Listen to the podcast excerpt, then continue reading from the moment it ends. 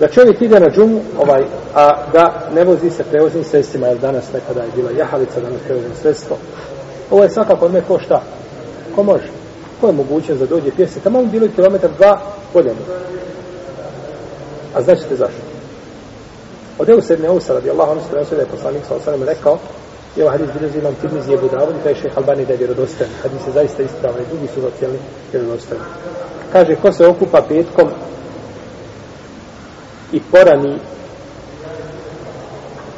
i bude hodao, a ne bude jahao. Bude hodao, ne bude jahao. I približi se imamu i sluša šta imam priča i ne bude i ne bude ovaj a, činio lagu, a to je onaj beskoristan govor, bezvezan govor, da se čovjek igra nečim. I bude slušao, znači što imam priča. Sve jedno dopalac, putanice, ne dopalac. Sve znao to ili to ne znao. Ti sjediš pa je da šutiš. Kako god da bilo, za svaki korak koga učini ima godinu dana posta i godinu dana noćnog namaza.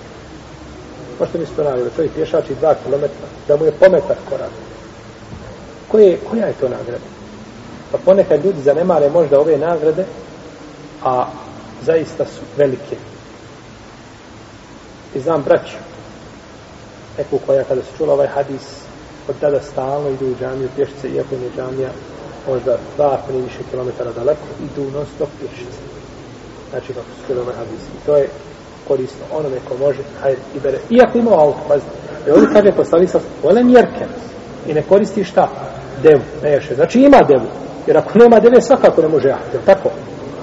Nego znači, od sebe ide ovaj. Znači, to je kaže Ibn Rafija stigao, uh, stigao me Ebu Abes a ja kaže krenuo na džumu stigao me A kaže, kada ja vidio, kaže, čuo sam poslanika sa osaleme da je rekao, ovaj on je bliži Buharija,